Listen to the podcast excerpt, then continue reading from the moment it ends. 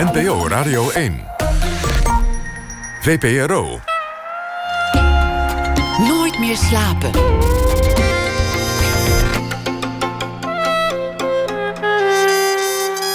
Met Liesbeth Staats.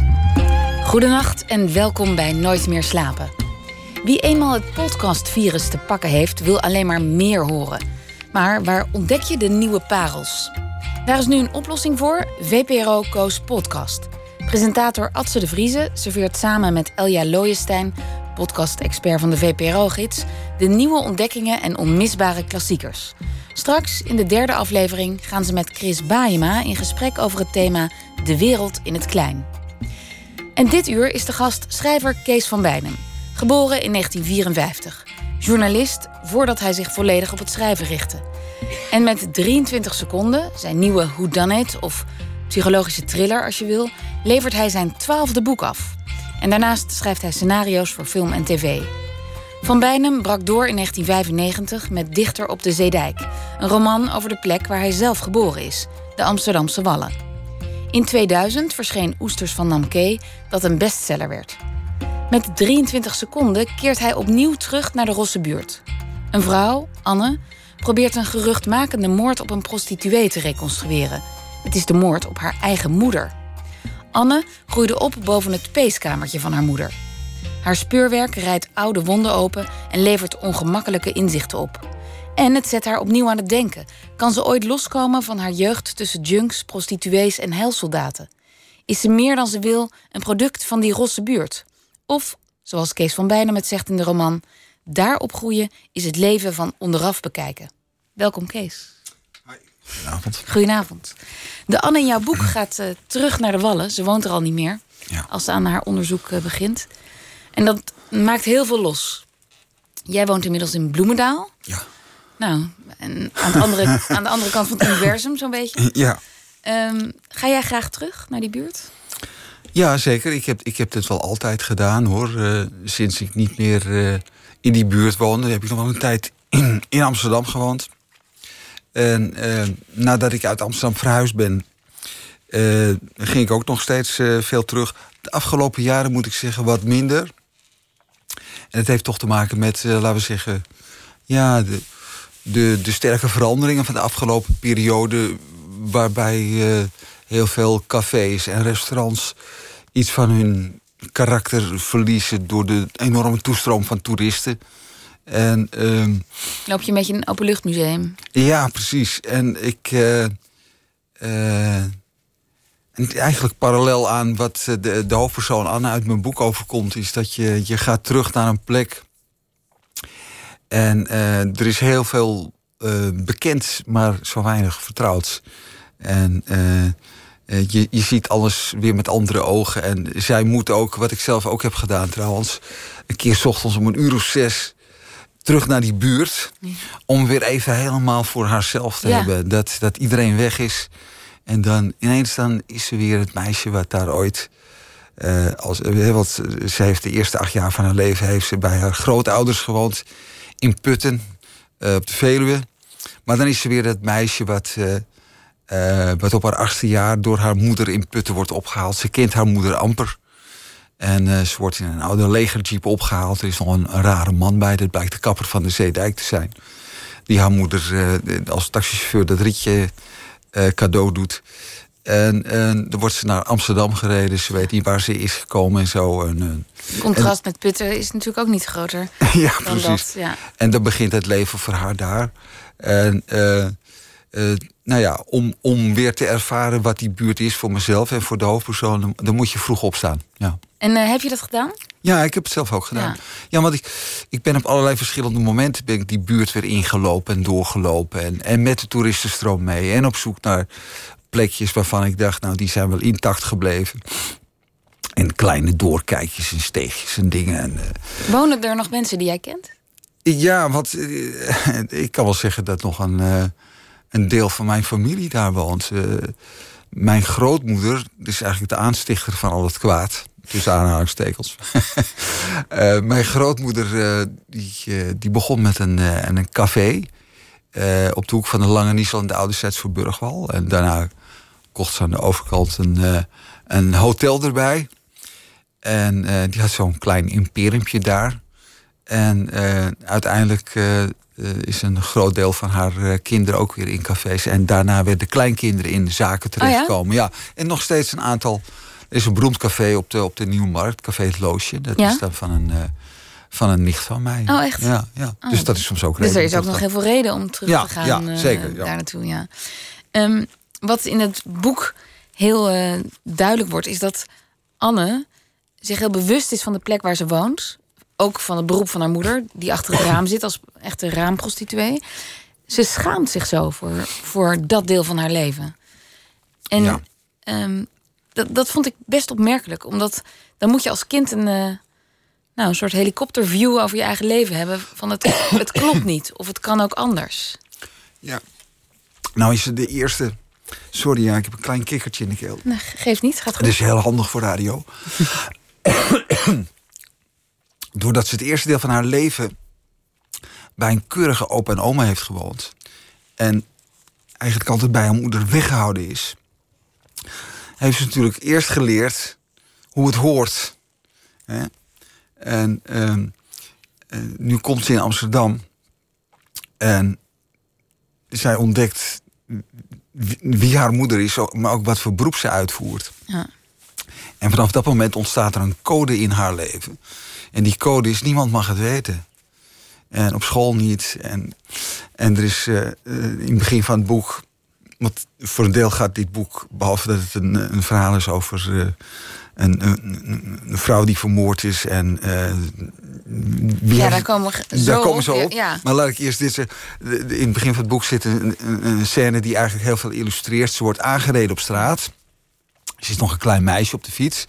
Op die wallen daar. Op de wallen. En, en, en er blijkt een, een heel, een heel eh, net echtpaar in die auto te zitten van buiten de stad.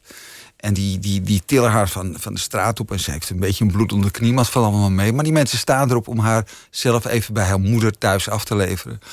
Eh, omdat ze zich verantwoordelijk voelen voor wat er gebeurd is. Fietsje is een beetje krom. Dus die gaan met haar op pad zo richting haar huis. En zij zegt maar steeds, nee, het hoeft niet. Ik kan wel alleen naar huis. Nee, nee, we brengen je naar je moeder. En, eh, en dan komt ze de steeg inlopen en dan ziet ze dat rood verlichte raam waar haar moeder zit. En, en ze kan het gewoon niet opbrengen om daar dan heen te lopen met die mensen. En dan duikt ze het café in, het café Hotel aan de overkant, waarvan ze de eigenaresse goed kent, want zij is bevriend met een van haar zoons. En dat doet ze net alsof dat haar moeder is. En die vrouw snapt het en die speelt Ja. het met haar mee. En Maar dat geeft al aan dus hoe, hoe moeilijk het voor haar is om, eh, eh, ja, om te aanvaarden. En zeker voor de buitenwereld, Ja. eh, wat haar moeder... Ja, dat is een schrijnende ja. scène. Ja, En je schrijft het op alsof je het herkent. Alsof er vriendjes of kinderen in jouw jeugd waren die dat, waarbij je dat zag, die Ja. Nou, eigenlijk kun je zeggen, het idee voor, ja, eh, het idee voor een roman, weet je, het is nooit één aspect. Het is niet één vonk, eh, maar het- begint ergens. Maar het idee voor deze roman sluimerde al heel lang. Ik, eh, in, mijn, in mijn eigen jeugd, ik woonde in een café-hotel in de Warmoestraat. En ehm, ja, ik had daar wat vriendjes, ook dus vaak jongens die ook de ouders een café hadden of wat dan ook. En, Woonden er veel kinderen eigenlijk? Ja, toch nog wel. In, Ja. die, in die tijd zeker, ja. En eh, er was ook een vriendje bij eh, waarvan ik wist dat hij bij zijn oma woonde. Maar voor de rest wist ik niet zoveel van hem. En op een dag nam hij me mee bij ons om de hoek in de steeg. En hij zei, zullen we even langs mijn moeder gaan? Nou prima, en we gingen daar een pandje binnen. En ik liep dagelijks enkele malen langs dat pandje. We gingen naar één hoog. En daar was zijn moeder en die, eh, die, eh, die schonk een kopje thee en die gaf ons een koekje. Maar ik wist dat die moeder van hem normaal gesproken beneden achter het raam zat. Je herkende haar. Ik herkende haar en zij wist ook al wie ik was natuurlijk. En eh, nou, we, we hebben daar braaf een half uurtje bij die vrouw boven gezeten. En toen gingen we weg. En, en toen kwam eigenlijk het bijzondere dat ik sprak hem er niet op aan. En hij vertelde er niets over. En we wisten alle twee precies hoe het zat. En hij wist ook dat jij het wist. Ja, Dat hij voelde hij aan. ja, hij, hij heeft het me eigenlijk op deze manier verteld zonder het te zeggen. En dat was ook die rare code. En, en, eh, en dat, dat, dat was heel, heel als kind voor mij heel spannend van hoe dat werkte. En het is me altijd bijgebleven. En ik begreep, ja, dat is nou die diepe schaamte, weet je wel. En, uh, en ik heb dat in, zelf in veel mindere mate gehad toen ik uh, naar het gymnasium ging. En dat was in, in Osdorp. En, uh, en dan kom je in de eerste klas op school en dan is het van, uh, goh, woon jij? Nou, ze woonden bijna allemaal daar in de buurt. En ik zei, nou, ik woon in het centrum. En dat was geen leugen, want het caféhotel van mijn moeder dat heette ook Café Hotel Centrum. Bovendien was het hartje Amsterdam, dus Ja. het was twee keer waar. Maar dan de volgende dag zei er iemand, ja, waar eigenlijk in? En dan zei ik, nou, in de buurt eh, van het Centraal Station. Tot er een goochemert vroeg van, eh, he- heeft die straat waar jij woont misschien een naam? en dan zei ik, ja, de Warmoestraat. En dan was het net alsof er een schaakval dichtklapte. En dan was het van, oh, je woont op de Wallen. Dus ik, ik, ik kende die schaamte, alleen in veel mindere mate. En ik, Maar schaamde jij je al voor je buurt toen je zo oud was? Nou ja, dan? ja, 12, maar- 13 of zo? Ja, ik, ik- ja dan, ben Ja. Je, dan ben je twaalf. Ja, dan weet je dat wel. Ja, en, eh, en ik had wel het gevoel van. eh, ik, ik had daar ook niet mijn hele leven gewoond. Wij, wij waren er ook een paar jaar eerder terechtgekomen. En eh, ik had ook die. ja, die. Die, die knop om moeten zetten van uit een gewone buurt van Amsterdam komen. En dan midden, midden in die rare hysterische heksenketel van de Wallen. Wat in, in natuurlijk jaren, jaren 70 en jaren 60 en met name de jaren 80 een, een, een hele, hele gekke, heftige buurt was met, met Ja. junks en criminaliteit. En, en die had wel echt een hele slechte reputatie hoor. Ja. Veel slechter dan nu, de, die buurt. En los van die, scène, die, die scène dan op, op de middelbare school, heb je er ooit last van gehad? Heeft het tegen je gewerkt?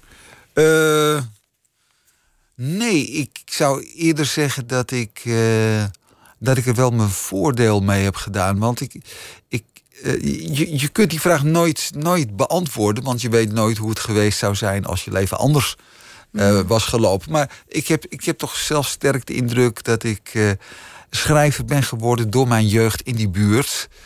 Omdat ik als, eh, als kind. eh, ja, ik deed mijn, huid, mijn huiswerk vaak in het café, de buurt van de jukebox.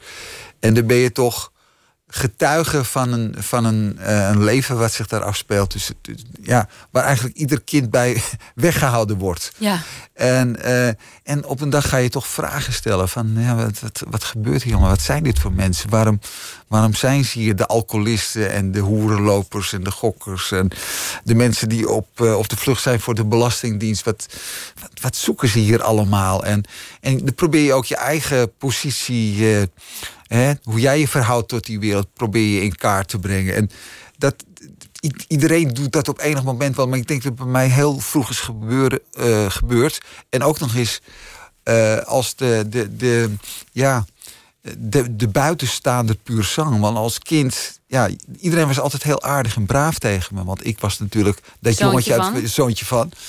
Maar eh, ik, aan de andere kant was ik, was ik er ook niet. Want zij hielden zich niet voor mij in, omdat ik een kind was. Zij gingen gewoon door met hun, met hun belangwekkende bezigheden, zal ik maar Aan zeggen. toog. Ja, Maar jij deed niet echt mee. maar je deed niet Nee. mee, je was op een afstand. En je, en je, je, je hoorde er ook eigenlijk niet bij te zijn. Hè? Dus eigenlijk zat jij een soort van, nou ja, clandestien op de eerste rij.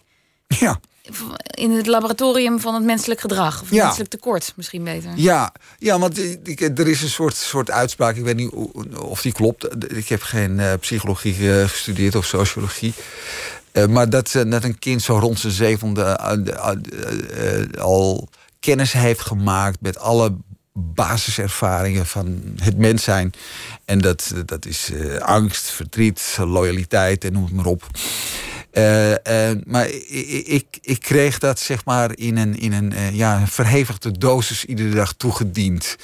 En, en dat, dat zet je aan het, aan het denken. Mij zette het aan Ja. het denken. Misschien niet ieder ander kind, maar Nee. kennelijk zoals mijn hersentjes in elkaar zitten. Bij mij bracht dat een hoop gedachten teweeg. En, dus ik vermoed wel dat, dat het schrijverschap daar eh, mee te maken Kijk je er dus eigenlijk wel positief op terug?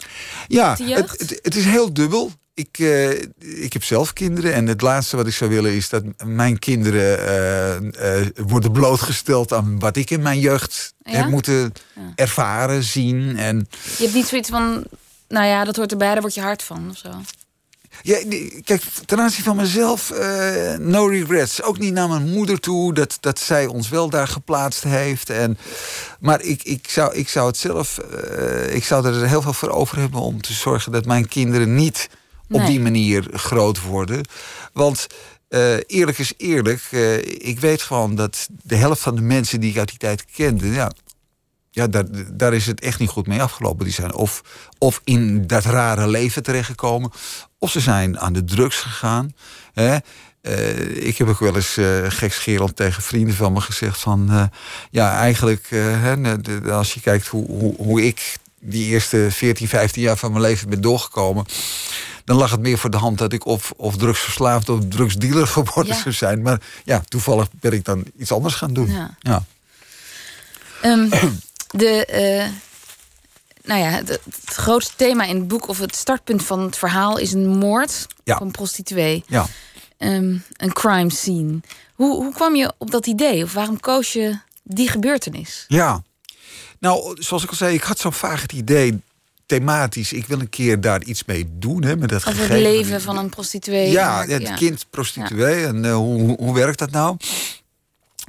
Maar kennelijk had ik nooit de vorm gevonden om mezelf zo te prikkelen dat ik ook inderdaad daaraan begon. Nou is het in een schrijverschap zo dat uh, de, de, de kloppen voortdurend ideeën bij je aan. Hè? En uh, ja, en wanneer weet je nou, dit is mijn volgende boek? Dat, dat weet je vaak niet helemaal. Maar intuïtief gebeurt er iets dat je denkt, ja oké, dit is het. Hier ga, hier ga ik uh, weer twee jaar van mijn leven aan wijden. Dit wordt het. en, maar met dit idee, dat bleef altijd maar sluimeren. Dat gebeurde niet. En, en toen dacht ik, ja, ik wil dit heel spannend vertellen. Ik, ik wil ook mezelf, ehm, om het maar even zo te zeggen, uitdagen als schrijver. Je hebt een aantal genres verkend. Ik heb uh, een, een, soort historische roman over het uh, Tokio-tribunaal geschreven. Uh, ik heb een, een, een nostalgische. semi-autobiografische roman Dicht op de Zeedijk. Een beetje over mijn mhm. eigen jeugd in die buurt geschreven. Maar ik, ik, ik wil iets anders. Toen begreep ik dat het een heel spannend boek moest worden. Maar toen was ik er nog niet uit. Want omdat, zoals ik al zei, het boek, gaat ook over identiteit. Hè, van wie ben je nou? Ben je nou vooral wat je zelf denkt te zijn? Of wat de anderen in je zien? Of, hè, mhm. of een mix daarvan? Wat is het nou precies? Maar wist ik dat het plotmatig ook heel erg veel met identiteit te maken moest hebben. En op, op een dag niet te veel verklappen? Nee, nee, nee. ik ben de laatste die dat soms... Althans, dat hoop ik maar. Maar op een dag wist ik gewoon...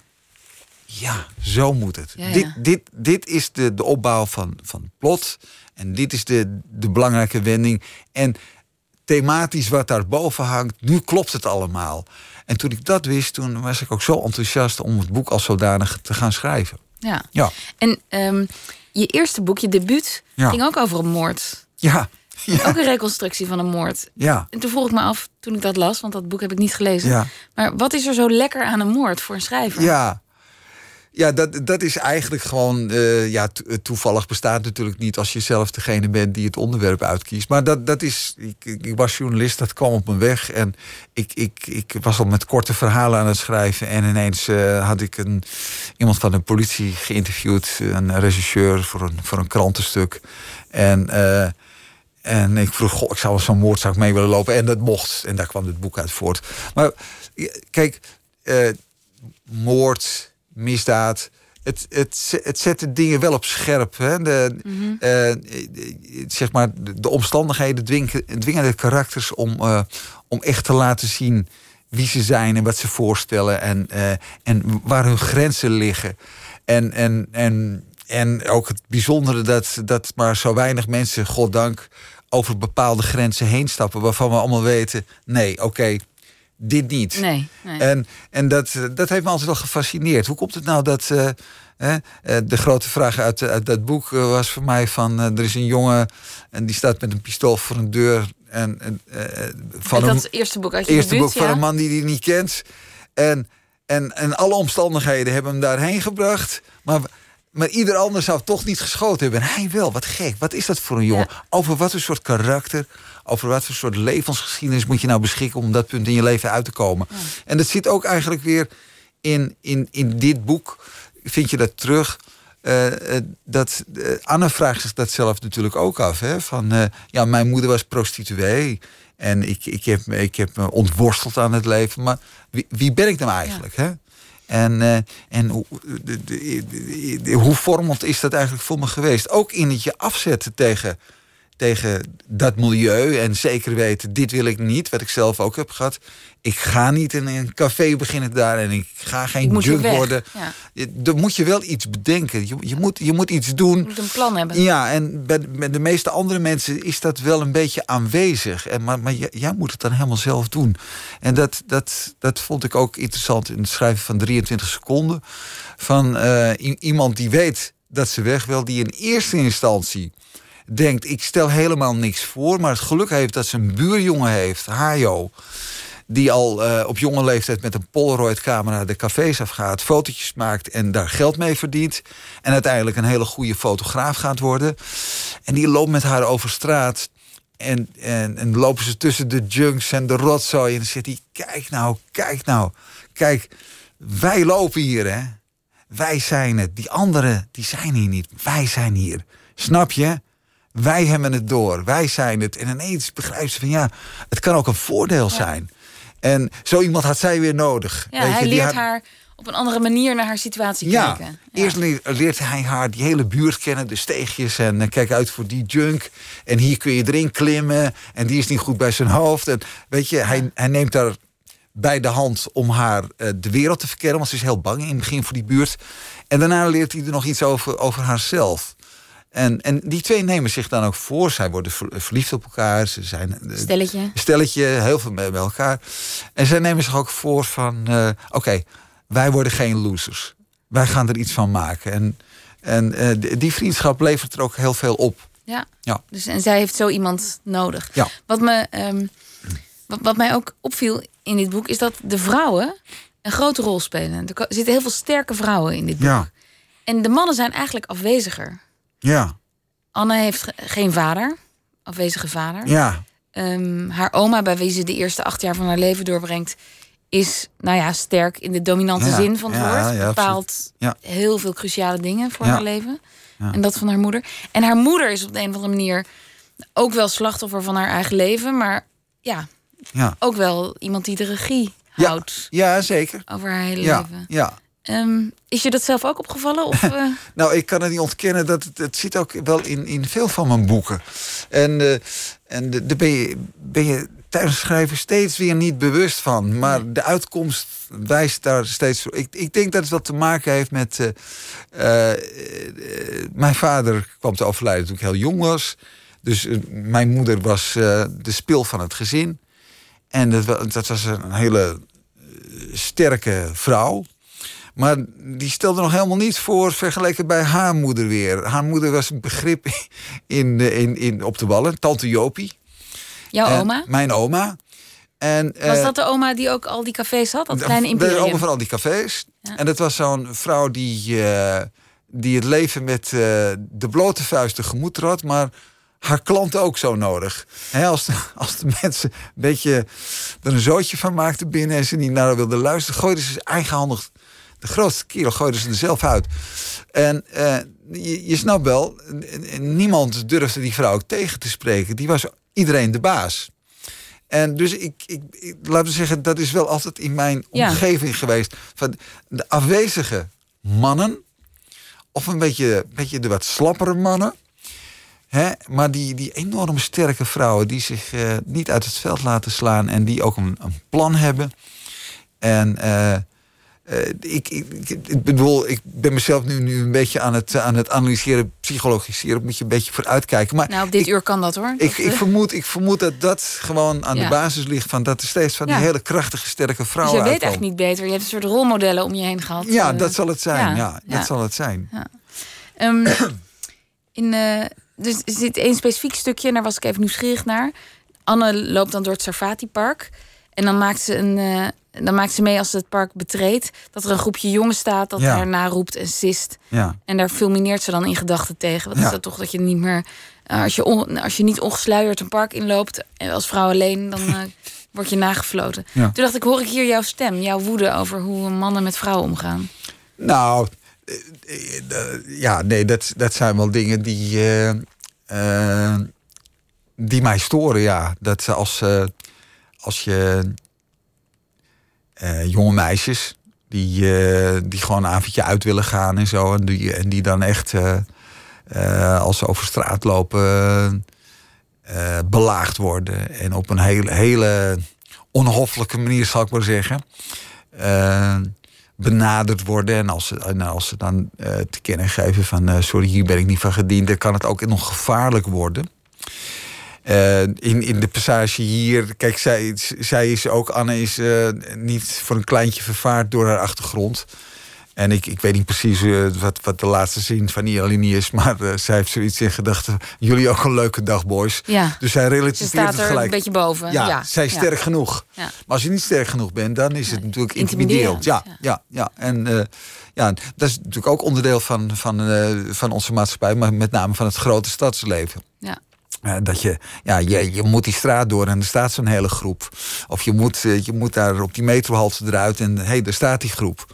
En uh, als je dan als meisje alleen uh, uitstapt en, en, je moet dan even fietsen en zo, dat, dat is, dat is ja. best eng. Ja. Dus heb je dat er als een soort boodschap ingeschreven? Nou, ik ben niet als boodschap, maar het, het, ja, dat zijn dingen die me bezighouden. Maar ik, ik ja, zij moet dat park in. Ja. En, ik, en ik had ook even, even, even zin om om even iets heel beeldends neer te zetten. Weet je? Dat je die groep voor je ziet en dat je, dat je echt de sfeer van vandaag voelt. Van ja, ja. een vrouw loopt een park in. Maar, maar dit is het eerste wat je ziet. Ja.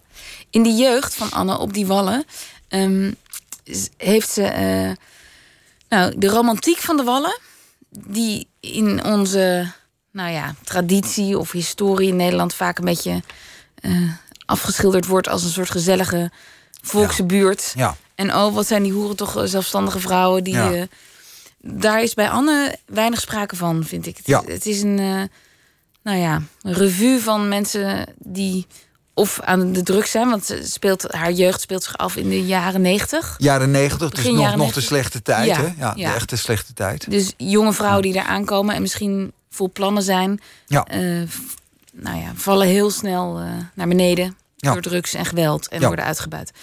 Um, wat is dat toch met die uh, romantiek? Ja. Die zo hardnekkig blijft bestaan in, ja. de, in de ogen van sommigen. Ja. Zie jij die romantiek? Heb je die ooit nou, gezien daar? Nou, ik, ik, ik heb zeg maar een heel, uh, uh, heel gevarieerd beeld eigenlijk van die buurt. Ik, ik zou zeggen de, de, na, naoorlogse jaren, de jaren 50 tot aan een stukje jaren 60. Toen woonde jij er? Ja, ja. een deel daarvan heb ik er gewoond. Daar, zie je nog zeg maar het oude Amsterdam met de oude penose. En dat bijna als een dorpje, iedereen kende elkaar. Maar daar was natuurlijk ook de uitbuiting van meisjes die van huis waren weggelopen in handen vallen van een, van een bij de souteneur. Toen had je de jongens ook al van, uh, van sportschool en biefstuk... die niets anders deden dan kijken of ze een meisje konden oppikken. Maar uh, uh, laten we zeggen, de drugs hadden nog niet hun intrede gedaan.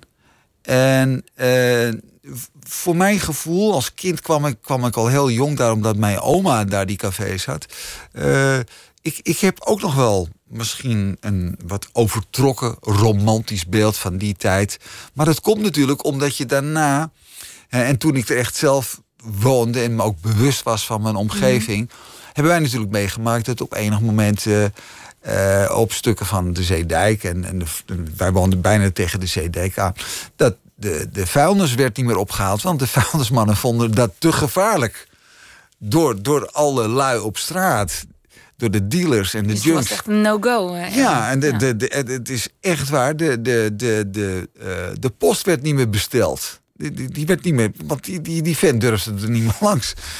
En en, en, er gebeurde helemaal niks. Het werd maar slechter en slechter. En de junks lagen op straat. En het was al een hele tour om, om, om, om wat dan ook wat op straat stond. Een fiets, een plantenbak. Om, om, om dat uh, veilig te stellen, weet je. En uh, ja, toen, de, de, de, toen, toen, voelde je wel van... hé, uh, hey, dit is niet goed. En vergeleken ja. bij die tijd... Ja. Is het de, uh, is wat ervoor zit, ja, dat is ook vrij onschuldig en romantisch. En als, ik, als ik naar mijn roman kijk, hè, dus wat, wat gebeurt er nou in 23 seconden? Er is iemand die heeft er gewoond in die hele grimmige tijd en die komt nu terug. En vrek, die hele buurt is opgepoetst en, en alle geveltjes zijn mooi, maar ja. de junks zijn niet meer zo zichtbaar. Die, die zijn nagenoeg weg. En, en ja, het, ik zeg dan, dat zijn, dat zijn twee periodes, maar het zijn twee plagen. De, de eerste is van de junks en de heroïne. En de tweede is van de toeristen en de Nutella. De Nutella? De Nutella. daarmee bedoel je? De Nutella shops, hè? Ja. Zo de hele buurt zit vol met Nutella. Ja, maar die, die toeristen kennen ik al mee. Ik, ik snap er helemaal niets van. Nee. Je kunt zo'n potje toch kopen bij de supermarkt. Maar ze schijnen allemaal die winkels in te gaan. ja, maar ze verkopen daar ook warme wafels en crepes en zo. ja, ja, ja. Maar goed, ik zeg, dat, dat is de plaag van de toeristen. En, uh, maar je ziet eigenlijk dat die buurt met de junks, maar nu ook weer die is ook in een identiteitscrisis. En komt mijn thema weer terug, identiteit. En dat vond ik natuurlijk zo mooi om dat vanuit het, uh, het perspectief van Anne te laten zien. Die, die komt uit die hele zwarte, duistere tijd. Die komt terug. En, en die wilde niet meer terug, omdat haar trauma daar ligt. Twintig jaar geleden is haar moeder daar vermoord. Ze is nooit meer teruggegaan. Ze wilde nooit meer terug. Maar ja, nu gaat ze terug om dat boek over haar leven te schrijven. En, en ze vindt iets totaal anders. En ze kijkt naar die buurt en ze ziet van ja, nee, dit, maar dit is die buurt eigenlijk ook niet meer. Nee. He? De, weer een identiteitscrisis. Ja. ja. ja, jij noemt het plagen, als in bijbelse plagen. Ja. Uh, geen sprinkhanen, maar toeristen. Die, ja. Uh, maar hoe gaat dat verder? Wat is, wordt de volgende plaag? Want er wordt nu van alles geprobeerd om die toeristen meer ja. uh, de andere kant op te duwen. Ja, en, en je, de, de Parool uh, vandaag of gisteren, op de voorpagina, gisteren geloof ik, of vandaag. Uh, ja, een, een, groot stuk over ja, dat die handhaving. Ja, de drugs. De, de, de Femke Halsema, de burgemeester, heeft de oorlog verklaard aan de drugs. Het wordt niet meer gedoogd. Ja, nee, maar, maar, de, de handhaving überhaupt van dat mensen niet overal lopen te pissen en met blikken bier rondlopen of met 50 man voor een rood raam blijven staan. Die handhaving is volkomen aan het mislukken. Maar dat heb ik al een keer eerder zien gebeuren. Toen mislukte het ook, want wij dachten natuurlijk: hé, hey, doe eens wat aan die junks op straat, doe eens wat aan die dealers. Dat moet toch wel kunnen? Ja. En er liepen wel politieagenten rond. Maar ja, het was een beetje, zoals ik in mijn boek schrijf... zoals kinderen ganzen van het uh, veld verjagen. En dan, dan schoven die, die, uh, die, uh, die, die junks en de dealers weer 300 meter verderop. En dan gingen ze daar verder. Dat was dan het beleid. En, en, maar nu staan ze weer voor een, voor een enorme opgave. Ja. ja. Alleen zijn nu toeristen. Nu zijn er toeristen, gek genoeg, ja. ja. En, uh, en, er is ook al een hele de wet Bibop op dat postcodegebied uh, losgelaten. Ja. Waarbij uh, criminele pandjesbazen geweerd werden. Althans, het werd geprobeerd. En, en uitbaters van seksclubs. Ja. Um, ja, er, er, zijn heel veel pogingen in het werk. Het is natuurlijk ook een, eh, een ingewikkeld uh, probleem. Van oudsher is het een plek hè, waar, uh, ja, waar de criminaliteit en de zonde altijd een plekje heeft gehad. En ik, ik, ja, laten we wel wezen, de zonde geeft, uh, geeft het leven ook nog een beetje kleur. Het wordt, mm -hmm. hoort erbij. En, en nu, nu is de opgave is natuurlijk, hoe, hoe hou je die buurt zoals die buurt altijd geweest is, met, met, met het rosse karakter zo. Hoe hou je die in stand? Uh, zonder dat je, dat je de problemen die je dus kennelijk niet aan kunt als overheid, zonder dat die echt uit de pan reizen. En denk je dat dat lukt? Kan je iets bedenken zonder die hele prostitutie helemaal te verbieden?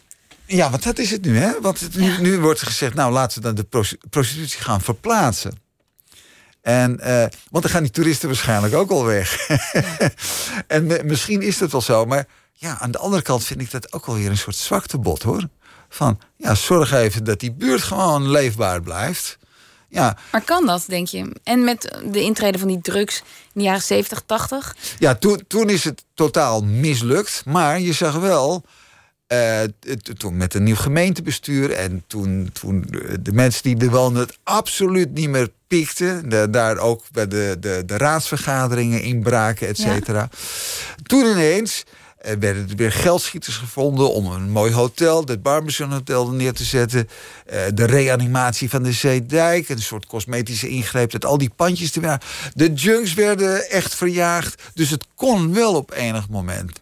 En dat is toch de les die je ook vandaag weer zou moeten eh, Mhm. eh, begrijpen. Dat iedereen dacht, het kan niet. En op een gegeven moment kon het. En dit lijkt ook een heel groot probleem. Maar ik denk wel dat het kan. Ja. Nee, en daar is goed bestuur voor nodig. Alleen wij kijken nu wel anders tegen prostitutie aan Ja. dan eh, decen nou, twee decennia geleden. Ja, Nu wordt het heel erg geassocieerd met vrouwenhandel, mensenhandel. ja dat is waar. En, Ja. eh, Ja, maar wat, je had toen natuurlijk ontzettend veel zielige heroïneprostituees. Dat, eh, ik bedoel, veel zieliger was... Ja, Ja, veel, zieliger. Kun je niet bedenken, hoor. Nee. Dat was, dat, dat was ook heel erg om die meisjes daar op straat opgepikt te zien worden. En de, dat, ze, dat ze radeloos waren en zo mager. Dat, dat, dat, is- dat, dat was ook vreselijk. Ja. Hè?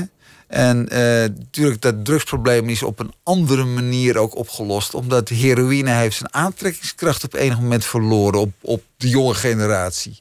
En eh, ja, dat, dat heeft. eh, de, de- instanties hebben dat helpen sturen met de methadon en, en de goede voorlichting, et cetera. Maar je hebt het nooit helemaal in de hand. Het is ook de tijdgeest Nee. die natuurlijk een sterke rol daarin speelt. Nee. Ja. We gaan even naar muziek luisteren. Ja. Eh, muziek uit jouw jeugd. Ja. Die hoort bij eh, jouw herinneringen ja? eh, aan, aan de Warmoestraat. Ja. Jim Reeves. En moeten we nog iets weten over het nummer He'll Have To Go? Nou, dan, dan, dan wil ik zeggen, dan, dat voert mij terug. En daarom heb ik het ook gekozen naar Café Hotel de Crown op de van Burgwal. Dat was het hotel van mijn oma. En daar stond zij iedere zondagochtend eieren te bakken voor wel 30 Canadese militairen die in haar hotel sliepen. En die hadden dan eh, s ochtends een enorme kater. en daar stond vaak dit nummer dan op. We gaan luisteren. Ja. He'll Have To Go van Jim Reeves.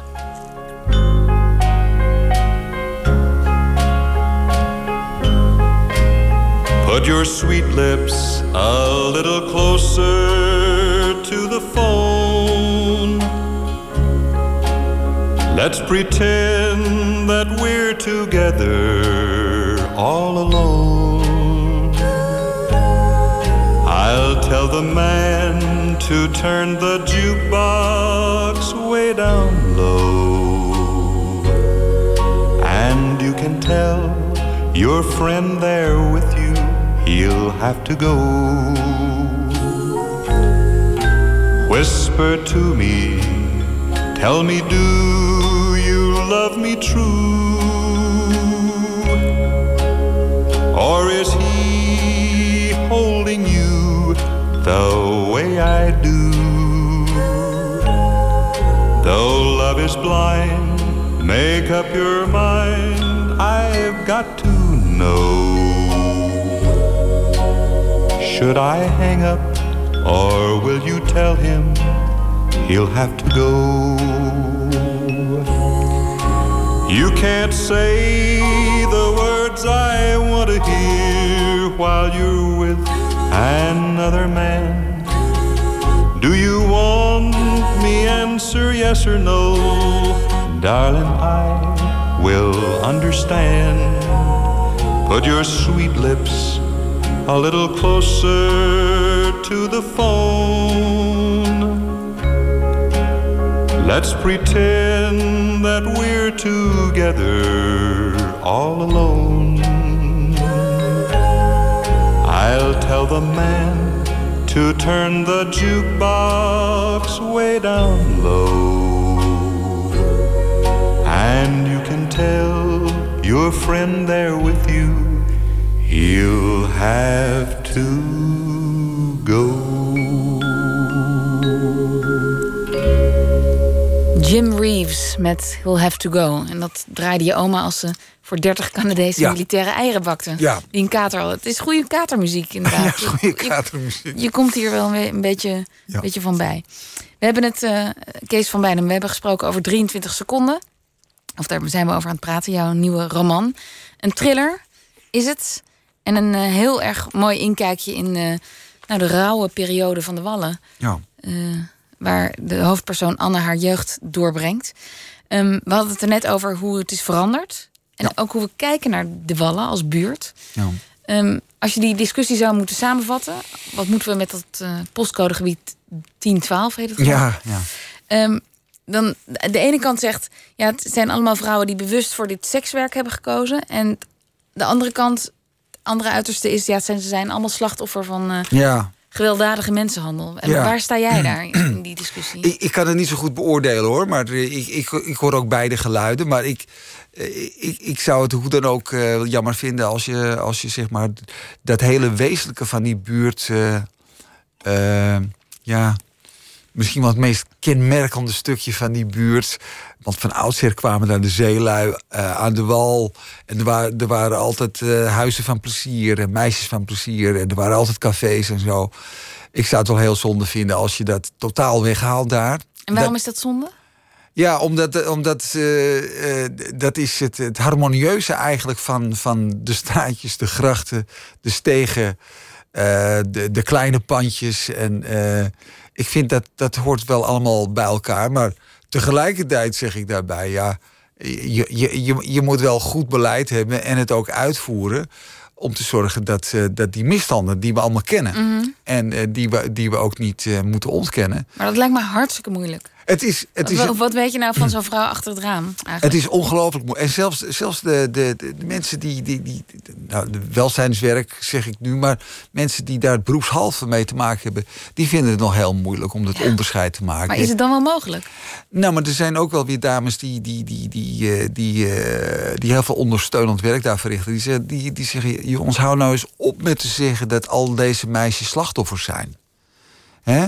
Uh, veel meisjes zijn geen slachtoffer. Alleen diegenen die slachtoffer zijn, ja, daar, daar, moet, je wel, uh, ja. daar moet je wel voor uh, aanwezig zijn en ook een hulp kunnen bieden. Maar dat onderscheid lijkt me dus heel moeilijk. Ja, dat is ook razend moeilijk. Ja.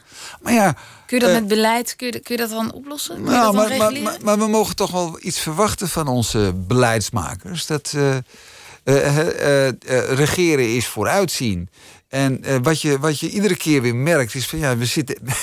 De, bedoel, de, de toeristentoestroom. Mhm. Ja, je, we zitten nu er zo dik in. Ja, jongens, ja, logisch. Ja, nu wordt het lastig om. om, om ja, maar je ziet het toch aankomen. Oh, ja. En dat is met dit ook weer. Ja, je zit er nu dik in. En dat heb je aan jezelf te danken. En ja, nu moet je, nu, nu moet je met nog beter beleid komen. En nog beter uitvoeren. En ik, ik, denk, ik denk dat er wel een, een, een hoop uh, winst nog te behalen valt daar. Um, er is veel veranderd. En ik uh, las dat je uh, ook vindt of hoort dat de taal in die buurt veranderd is. Nou verandert taal altijd. Maar wat is er dan specifiek aan de wallen te horen? Nou ja, in, in, in, in, de, in, de, uh, in die hele buurt was natuurlijk de taal vroeger echt doorspekt van dat beetje dat penose Amsterdamse. Hè? En Zoals? ja, dan krijg je zo'n heel referentie. Ja, die, een beetje spottende opmerking over een andere man. Dan, dan was je gelijk een hangjas, weet je wel. Die hangjas en... Uh, uh, de, de, als, uh, mijn oma zei dan vroeger... dan had ze een paar lelijke dingetjes in het, in het hotel aan de muur hangen. Die, die, die, die hingen er al toen zij die zaak kocht. En dan uh, was er op een gegeven moment dat het moest geschilderd worden, verbouwd. En dan wilde iemand die dingen weghalen, maar er toch lelijke dingen waar het weer in zat. Zo, niet doen, niet doen. Want dan, dan komt de nigus in mijn zaak. En de nigus bedeelde dan weer dat je een soort ongeluk over jezelf afroept. En, uh, maar die, die, die dingen in de taal die zijn aan het. Uh, aan het, uh, aan het Jiddische woorden? Ja, veel, veel van, van Jiddische oorsprong. Ja. En ja, we, we, zitten. Kijk, in de, nu in uh, hoofdstuk 1 van mijn boek. Uh, Anne, die, die, die, die, zit, die zit in een café. Dat, dat is nog net de Prins Hendrikade, maar.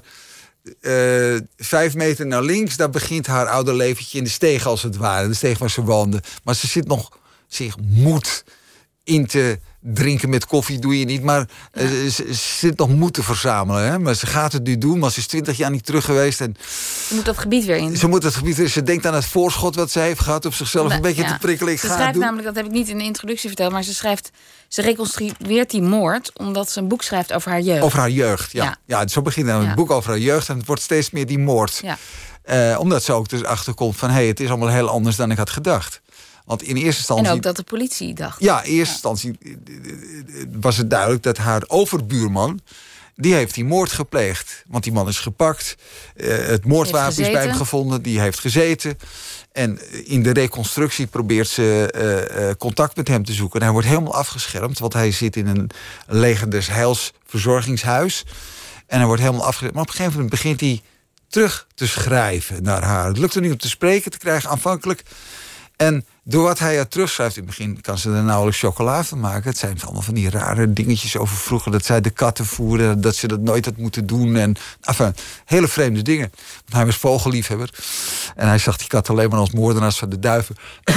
maar er, er ontstaat iets van een contact. Maar dan begint haar toch het gevoel te bekruipen. Hey, wat deze man mij vertelt, hij, hij- misschien is hij helemaal wel niet die moordenaar geweest. En dan is natuurlijk de vraag, als hij het niet was, wie dan wel? Ja. En, eh, en, en een van haar, de laatste herinnering aan haar moeder is dat toen Anne van een feestje thuis kwam, onverwacht, ze zouden blijven slapen, ze, ze komt de trap op. Hè? En het is, het is al in de nacht. En ze, ze hoort een stem achter haar moeders deur Van een man. van een man. En op de een of andere manier denkt ze eh, dat haar vriend Hajo, die fotograaf, dat die haar op haar kamer opwacht. Ze gaat naar haar kamer, maar er is daar niemand. En ze heeft het idee, ja, het is Hajo. En ze loopt naar beneden, staat haar moeder voor de slaapkamerdeur van haar moeder. En die twee krijgen een enorme ruzie. Want zij wil die deur opengooien om te zien wie daar zit. En die moeder zegt, ja, hallo even. Ja, eh, is mijn privé. mijn privé. En, en die krijgen bijna een soort vechtpartij. En Anna die vlucht de straat op. Met de schoenen in haar handen in de nacht. En die haat haar moeder zo erg. Maar dat is het laatste moment geweest. Het allerlaatste moment. En dat heeft ze nooit meer kunnen herstellen. En dat zit er ontzettend dwars. En zij voelt ook dat die, die buurman die haar moeder vermoord heeft... dat hij dat haar persoonlijk ontnomen heeft, weet je wel. Maar dan, dan gaat ze twijfelen, was hij het wel? En dan komt weer boven... ja, ik dacht, ik dacht toen dat Hajo misschien daar was. Ja. En, en, en enfin, dat gaat dan steeds meer een rol spelen. Maar de, de vraag die, Ja. die jij je stelt, of die laat je dan eh, Anne eh, verwoorden. Ja. ja, ik weet niet wat erger is. Leven met de waan Ja. of de onbarmhartige waarheid? Ja. En dat vind ik een hele interessante vraag. Want ja, wil je wel weten hoe het gegaan is? Ja. Nou, zij, wil- zij wil eigenlijk, eigenlijk natuurlijk nooit horen dat, eh, dat het wel haar vriendje van vroeger was, die bij haar moeder was die avond. Dat wil niet zeggen dat hij de moordenaar geweest moet zijn. Nee. Eh, hij was bij haar Ja. moeder. Dat, dat, dat, dat is natuurlijk een vreselijke gedachte. Dat jouw moeder je bedriegt met je eigen vriendje. En andersom je vriendje met jouw moeder als Ja. jij naar een feestje bent. Maar, maar los van, van, van de moord in dit boek en, en hoe de toedracht daarvan. ehm, je vraagt je met die vraag, dacht ik, ook een beetje af van ja, moet je alles Ja, uitzoeken? Moet je jezelf niet ook een beetje beschermen tegen de waarheid? ja. Nou, maar dat, Daar dat, heb je vast over nagedacht. Ja, en dat is nou precies ook als je, als je wil begrijpen wie je bent, hè, hè, dat zoeken naar die identiteit, je komt er nooit helemaal achter wie je nou bent. En, want als je iets van jezelf wil begrijpen, hè, dan moet je naar je ouders kijken. Nou, als Anne naar haar ouders kijkt, haar moeder, die gokverslaafde prostituee, die, die allerlei nog mannen erop nahield. En, en dan haar vader, die nooit naar haar omgekeken heeft. Hè? Als ze daarnaar kijkt, dan ja, wat, wat, wat zie je dan van jezelf? Dat, dat is natuurlijk vreselijk. Maar dan kijkt ze weer verder naar haar grootouders en dan ziet ze twee, twee hele goedwillende mensen die alles voor haar gedaan hebben. maar terugkomend op jouw vraag, om, om, dus, om dus alles te weten, dat is sowieso een illusie. En sommige dingen zou je misschien niet willen weten, zou je misschien niet willen zien. Nee. Hè? In het begin, als zij het dossier ophaalt bij de oud-regisseur... Die, eh, die vroeger die zaak heeft gedaan, inmiddels gepensioneerd... dan, dan denkt die man, ik haal even de foto's van de lijkschouwing eruit. Want dat, dat is te erg. En dan zegt zij: nee, ik wil het zien, ik wil alles zien. Ja. En Dat begrijp ik ook wel weer. Ja. Ik bedoel, als je er eenmaal naar op zoek gaat, dan, dan Ja. denk je, nou ja, dan moet de hele gifbeker maar leeg. ja, Eh, maar de vraag is of het, of het bevredigend is. nou ja, exact. En, en, die, die, die vraag is ook natuurlijk aan het, aan het verkennen. Ja. En zoals ik al zei, van, je, van die identiteit hoef je ook je best. Je, je, je, je, je komt toch niet tot de kern. Maar misschien is dat, dat onderzoek wel wat je krijgt. Dat is wat je krijgt. Ja. En dat is in haar geval ook. En hoe is dat in jouw geval? In hoeverre heeft ehm, nou, jouw jeugd in die buurt jouw identiteit bepaald? Ja, daar ga je weer. Dat, en dat weet ik niet zo goed. Eh, en, ja, veel mensen die mij later leren kennen. Hè, en, eh, en, en die dan dat verhaal ineens zo te horen krijgen. Die, die gewoon helemaal niet weten waar ik vroeger gewoond heb, et cetera. Nee. Eh, die staan wel eventjes eh, raar te kijken dan zo van... Nou, dat, eh, goh, zou je niet verwachten dat jij dan... Kennelijk vinden ze mij een, een, een, een, een nette man. Daar ga ik er maar even vanuit. Dat jij dan... en dat heb ik zelf soms ook wel eens van... Ja, best gek dat ik... dat ik van alle mogelijkheden... Dat dit het is geworden. Want bijvoorbeeld zo'n jongetje waar we het net over hadden, dat vriendje, Ja, dat ooit zijn moeder introduceerde, Ja. stilzwijgend. ja. En zij was prostituee en jullie spraken dat niet uit. Wat is er van hem geworden? Van hem eh, eh, persoonlijk weet ik het niet. Want ik ben hem helemaal uit het oog verloren. Maar ik weet wel van andere jongens uit die omgeving... dat het heel slecht is gegaan. En, eh, en dat heb ik ook toen in die periode al meegemaakt. Dat ze helemaal verkeerd gingen. En, en dat was natuurlijk heel jammer. Want in het begin doe je je best. En dan eh, probeer je iemand te weerhouden van... eh, je moet niet met die en die omgaan. En, eh, je, en ga, met, ga met ons mee. En, en dat lukt dan een paar keer en dan weer niet. En, en op een dag dan, dan zegt ze iemand... Ja, god, ja, zo erg. Ik ben mijn, mijn bankpas verloren en dit en dat. Ja, En, heb je niet... en dan loop je mee naar Damrak, naar de automaat. En even voor, weet ik, 200 gulden in die tijd te trekken. En dan loopt hij weg en ineens begrijp je het allemaal. Denk je, oh shit, ja. Ik heb hem die 200 gulden gegeven en hij gaat, hij gaat zijn- zijn eh, doop scoren. En, en dan loopt iemand bij je weg. En dan, dan loopt hij ook echt uit je leven op dat moment. Want hij wil nooit meer die 200 euro terugbetalen. Dus hij gaat jou mijden. ja.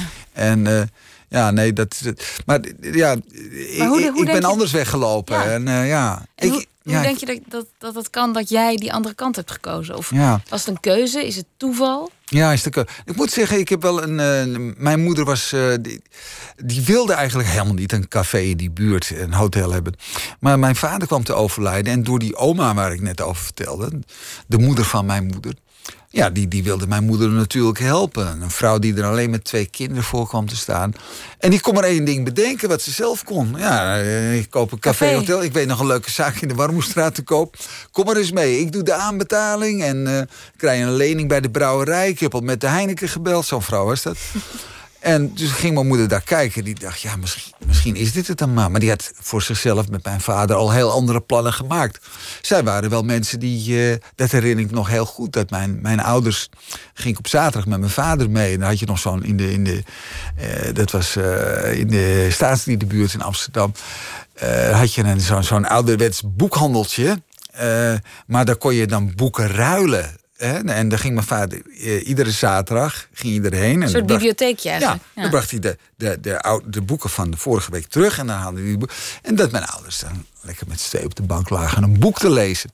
Dus laten we zeggen, het is niet helemaal. Nee. Weet je, eh, du- dus er was wel, mijn moeder had wel een zekere inhoud.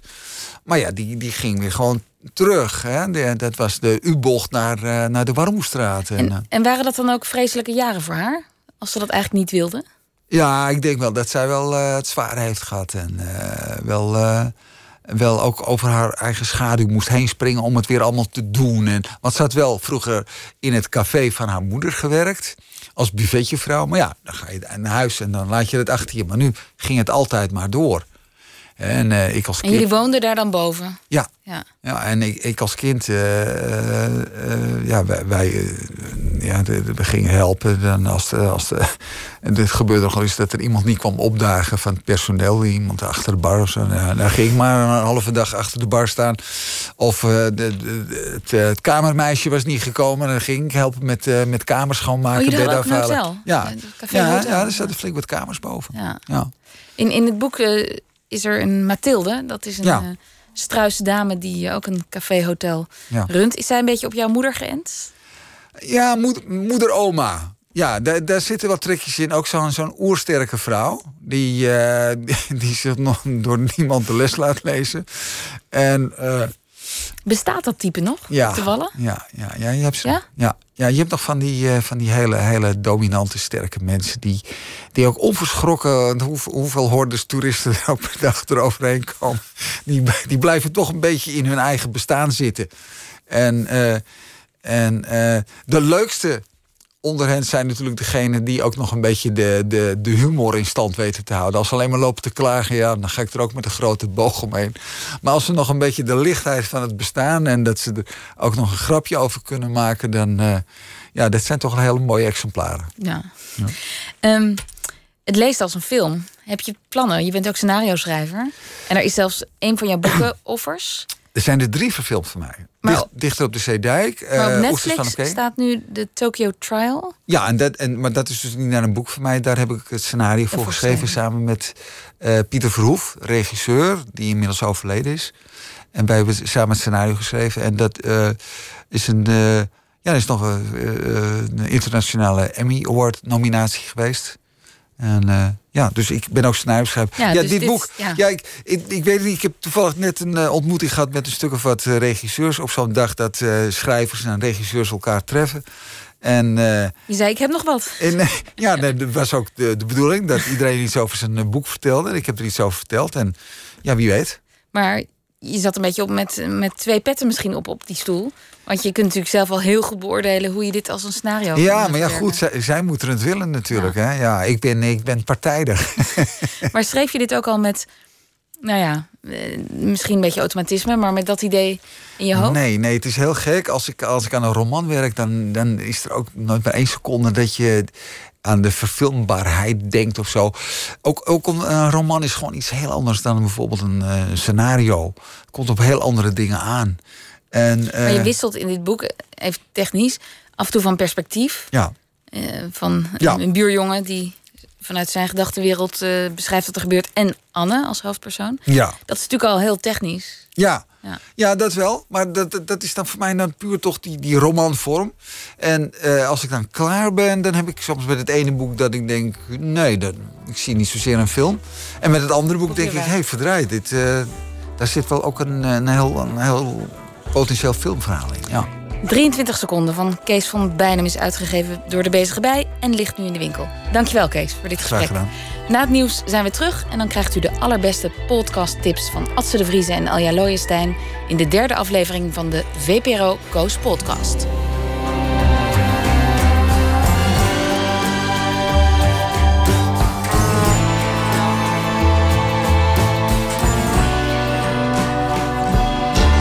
Op Radio 1. Het nieuws van alle kanten.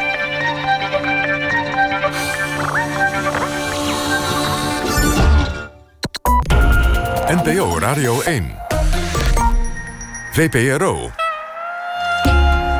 Nooit meer slapen.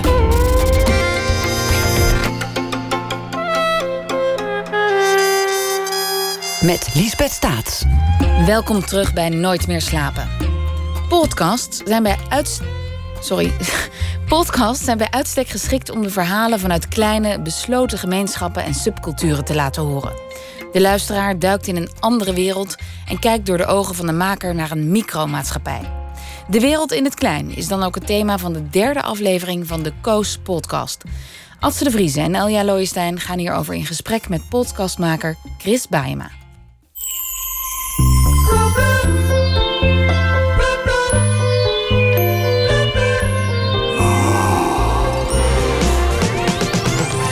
Welkom bij de VPRO Koos podcast met Abse de Vrieze en Elja Looijenstein.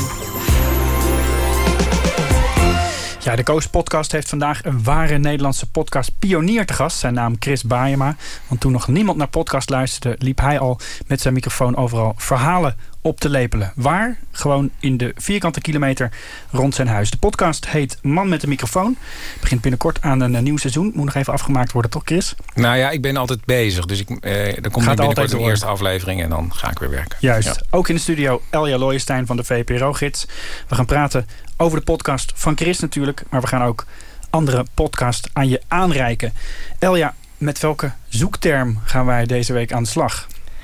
Ja, de podcast van Chris past heel goed in het thema uh, wat we gekozen hebben voor deze keer. Uh, het heeft te maken met uh, waar ik zelf heel erg van hou, waarom ik heel erg van podcast hou. ik vind dat echt magisch dat je gewoon ineens in een andere wereld terecht kan komen. Dus je zit in de trein of op de fiets en ineens ben je in de gevangenis of op een school of in een klein dorpje ergens in het zuiden van Amerika. En dat is echt uniek aan podcast, vind ik. En dat werkt ook heel goed. Op een of andere manier kun je gewoon helemaal in die wereld zitten. Je kijkt door de ogen van een maker naar een, een kleine micromaatschappij. Waar eigen regels gelden. Ja, ja. een hele subcultuur. En uh, daarom hebben we deze uh, keer de podcast uh, De Wereld in het Klein is het thema van vandaag. Juist, we gaan het hebben over de habitat. We gaan het hebben over ja, cabin pressure. Hoe heet die eigenlijk in als podcast? Heet die ook zo, hè? Nee, nee cabin pressure is, zo heet het oorspronkelijke programma. Maar de podcast heet Cumberbins Treasure. Treasure. Juist. En uh, een speciale aflevering van uh, de oerpodcast This American Life... met een uh, Nederlands tintje. Maar eerst dus ja, de man met de microfoon. Zonder, zonder de, ik zeg het nou weer met, maar man met de microfoon. Ja. Dat is belangrijk, hè? Nou ja, ik, had op, ik moest heel erg een titel verzinnen. En toen was ik uitgekomen op man met de microfoon... omdat titels meestal geen lidwoorden hebben. Klopt mijn beeld dat jij daar eigenlijk mee begon... toen nog heel weinig mensen het hadden over podcasting in Nederland? Uh, ja, mensen hadden het er wel over... maar mensen gingen ze nog niet heel erg zelf maken. En het was op het moment dat Serial een heel groot succes was in Amerika. Dat is eigenlijk crime podcast die heel erg... Ja, crime is niet het juiste woord, hè? Maar een, ja, iemand die een moordzaak opnieuw ging uitzoeken. En dat was in 2014. En toen merkte ik dat de programma's die ik wilde maken... dat daar geen ruimte meer was voor bij de NPO. En toen dacht ik, als ik nu begin... dan heb ik misschien heel snel een uh, vaste schare luisteraars. Dus ben ik in eind 2015... dus heb ik er een jaar over gedaan om dat op te starten. Eind 2015 begonnen. Met welk uitgangspunt ging je van start? Nou, ik wilde uh, eigenlijk een programma maken bij mij in de buurt. Omdat ik reisde wel door Nederland om documentaires te maken. En op een gegeven moment dacht ik... ja, ik was ook een keer naar China geweest. En het klinkt dan heel... Hoor. Ja, dat klinkt allemaal heel stoer op verjaardagen... maar het interesseert me eigenlijk diep van binnen niet. Want ik denk van ja, je kan ook om de hoek gaan kijken... of daar een goed verhaal is. En uh, toen dacht ik, weet je wat... Ik ga gewoon een, uh, ik had een bus gekocht en dacht ik ga met die bus gewoon door mijn eigen buurt rijden. En dan uh, probeer Tot de hoek en terug? Nee, het is mijn hele stadsdeel, Amsterdam-Oost. Maar uiteindelijk als je naar mijn podcast luistert... laat ik alle verwijzingen naar mijn stadsdeel eruit. En ik rij gewoon met mijn bus. En mijn idee was om elke twee weken 20 minuten te maken. Maar gaandeweg ontdekte ik nee, ik maak elke maand zo'n beetje een programma van tussen de 35 minuten en een uur. Het, het vormt zichzelf eigenlijk. Elja, waarom werkt deze podcast? Ja, ik denk inderdaad om wat je zegt... dat het gaat om jouw belevingswereld... maar dat kan de wereld van iedereen zijn. Het, zijn een soort universele, het wordt een soort universele stad... waar je naartoe wordt gebracht. En inderdaad, uh, onder elke stoeptegel ligt een mooi verhaal. Ja, nou, dat lijkt Tenminste, dat lijkt zo. Maar dat valt niet wel tegen. Nou ja, je moet ik probeer dat je, als je er naar luistert, dan denk je... wauw, uh, iedereen heeft een verhaal. Dat is wel zo, maar niet iedereen heeft een verhaal... wat uitgezonden kan worden. Dus wat je hoort is een kleine selectie van heel veel gesprekken... die ik met mensen heb. Zullen we een fragment gaan luisteren? Uh, uit aflevering 17, die heet Knippen 8 euro. Sla, sla, gar, slager? Wat slager? Slager is um, vlees. De vleeswinkel. Ja, dit is het dus zo'n beetje. Um, wat ik de afgelopen weken gedaan heb. Ik uh, zat in de kapperszaak bij uh, Ali. En als er geen klanten waren... dan gingen we het boek AE Nederlands doornemen. En dit was dan uh, de afdeling winkelen, denk ik. Ah, slager. Slager van vlees. Van vlees. Ja. Schap. Voor, varken, ja. En als er dan een klant kwam, dan stopten we even en dan gingen we later weer door. En uh, als het een leuke klant was en we hadden een aardig gesprek, dan nam ik soms iets op. En uh, ja, dat kon ook iets heel kleins zijn. Niet eens een verhaal, maar waar ik toch de hele tijd aan terug moest denken. Ja, deze uh, keer ben je dus nog verder ingezoomd. Niet alleen in jouw buurt, maar naar een nog kleinere plek. Een heel klein kapperszaakje. Ja, ik, was, uh, ik liep langs een kapperszaak en dan kon je je laten knippen voor 8 euro. Toen ging ik naar binnen en dacht ik, ja, wie laat zich hier nou knippen? En toen was er ook een, uh, een Irakese vluchteling die daar aan het knippen was. En vond ik ook een intrigerende man. Maar die liet heel weinig los. Toen dacht ik, weet je wat, ik maak gewoon de deal. Ik blijf hier de komende weken zitten. ik leer hem Nederlands. En als gift van hem mocht ik dan zijn klanten interviewen.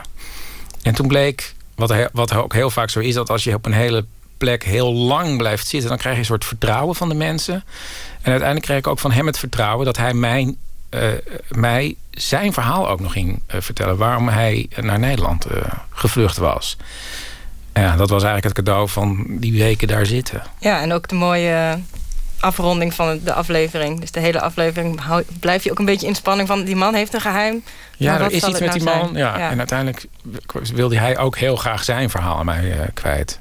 Want in eerste instantie was je te gast om zijn klanten te interviewen. Was hij zelf helemaal geen onderwerp eigenlijk? Nee, nee. Want ik kwam echt en dan ging ik weer bij, die, bij hem zitten. En het was niet zo heel druk. Dus dan uh, kwam ik s ochtends weer even langs. En dan, uh, dan gingen we weer even Nederlands oefenen. En dan kwam er een klant langs. En dan ging ik die klant interviewen. En ik had wel mijn bus. Want ik rijd dus met een rare oranje bus door de buurt. Die had ik dan om de hoek neergezet. En als iemand dan interessant was, dan zei ik... oh, nou, misschien kunnen we even naar de bus. Dus ging ik gewoon uh, naar de, om de hoek en dan uh, ja, ging ik mensen interviewen.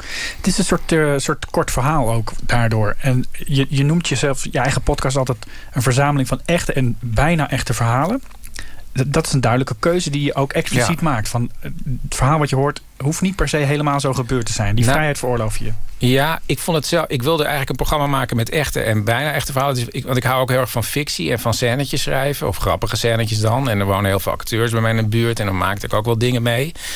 En um, ik wilde gewoon die combinatie maken. Vaak ook omdat ik een thema heb. En dan kan ik op, die, op, de, op zo'n thema, bijvoorbeeld als het dan water... kan ik er dan echt een leuk scènetje voor acteurs schrijven. En bovendien doen acteurs precies wat je van tevoren tegen ze zegt. Dan gaan ze gewoon voor je doen.